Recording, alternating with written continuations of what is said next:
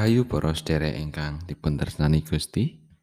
Wilujeng pepanggihan malih wonten ing renungan patintenan basa Jawi Sabda Winedhar.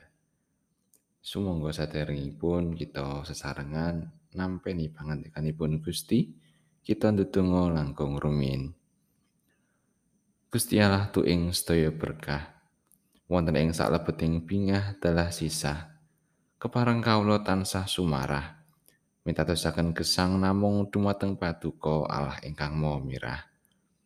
Doa lumebet ing wulan Februari menika, kepareng kawula sami nyadong berkah paduka. Berkah tumraping gesang pasamuan kagungan paduka ing tlatah gereja-gereja Kristen Jawi menika. Ing wulan menika, pasamuan kagungan paduka mengeti ambal warsa ingkang kaping 8 setunggal. Kawula sami saos syukur awit tansah ngraosaken lubering berkah paduka ingkang nyagetaken kawula sami makarya lan ladi dumugi ing dinten meniki. Salajengipun Duh Gusti, mugi paduka kepareng ngagem pasamuan kagungan paduka menika dados pirantos paduka ing saklebeting babaraken kratoning swarga. Matur nuwun Gusti, mugi paduka ngapunteni sedaya kelepatan kawula. Wonten asmanipun Gusti Kawula Yesus Kristus kawula ndedonga. Amin. Para sederek waosan kapendet saking setunggal Korinta bab sekawan welas ayat 13 ngantos selawi. Mulane sing sapa ngucapake basa roh nyenyuwuna supaya bisa njarwakake. Sebab yen anggonku ndedonga nganggo basa roh iku rohku kang ndedonga. Nanging akal butiku ora melu ndedonga. Kang iku apa kang kudu tak tindakake? Aku arep ndedonga nganggo rohku, nanging aku uga ndedonga nganggo akal butiku. Aku arep ngitung lan memuji nganggo rohku, nanging ngitung lan memuji nganggo akal butiku uga. Sebab menawa anggon memuji syukur mung nganggo rohmu, wong lumrah kang padha ana ing kono kepriye anggone bisa ngamini pamuji syukurmu iku? Wong mau ora ora padha ngerti apa kang kau ucapake. Sebab senadyan pamuji syukurmu iku iya becik banget, nanging wong liya ora kabangun. Aku saos syukur marang Gusti Allah. Dene anggonku ngucapake basa roh iku ngluwi kowe kabeh. Nanging ana ing pasamuan, aku luwih seneng ngucapake limang tembung kang bisa dimangerteni kanggo mulang wong liya katimbang tembung pirang-pirang ewu ing basa roh. Para sedulur, pikiranmu aja kaya bocah. Nanging ing bab piala dikaya bocah. Nanging pikiranmu dikaya wong diwasa. Ing angger-anggering toret ana tulisan mangkene. Ingsun bakal mangandikani bangsa iki lumantar wong kang basane seje. Sarta lumantar lambene wong manca. Ewa semono bangsa iku ora bakal ngrungokake marang ingsun. Mangkono pangandikane pangeran. Dadine basa roh iku minangka pratandha kanggo wong kang padha ora pracaya. Ora kanggo wong kang padha pracaya. Dene pamodar wangsit iku minangka pratandha kanggo wong kang padha pracaya. Ora kanggo wong kang ora padha pracaya. Kang iku menawa pasamuan kabeh padha nglumpuk lan saben wong padha celathu nganggo basa roh, nuli ana wong jaba utawa wong kang ora pracaya padha lumebu, apa wong iku ora bakal padha ngarani yen kowe padha ngomyang. Balik menawa kabeh padha medhar wangsit, nuli ana wong kang ora percaya utawa wong anyar lumebu, iku bakal kawelehake dening wong akeh. Sarta ditipriksa dening wong akeh mau. Sake wewadi kang sumimpen ana ing batine bakal kelahir.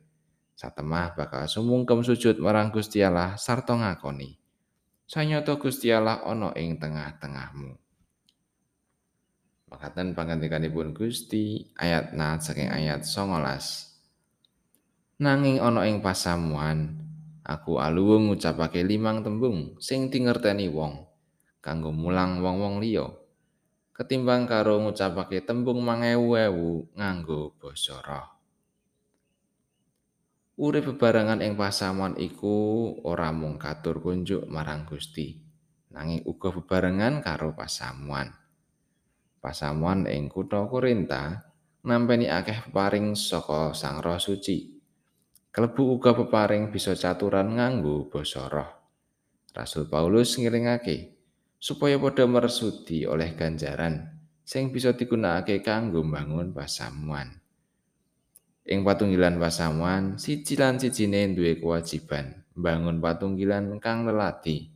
Gatekne nresnani siji lan sijine. Peparing bisa caturan nganggo basa roh iku mbiyantoni kanggo ndedonga. Nanging ora bisa dingerteni dening wong liya.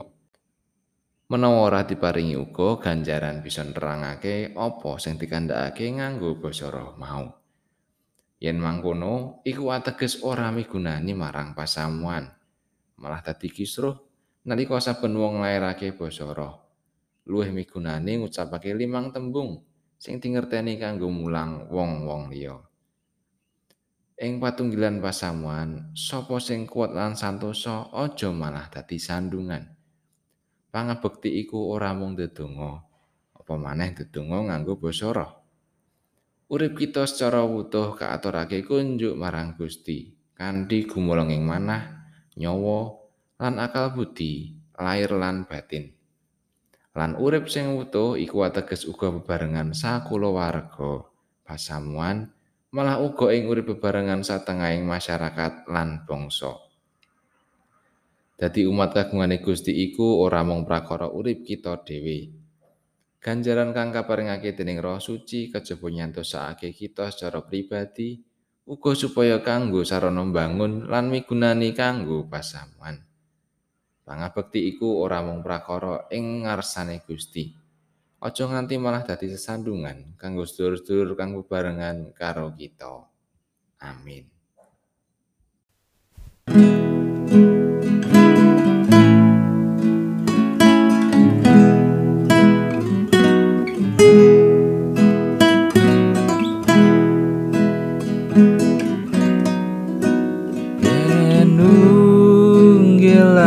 Gusti rinten dalu. Mana langtung tentrem arahayu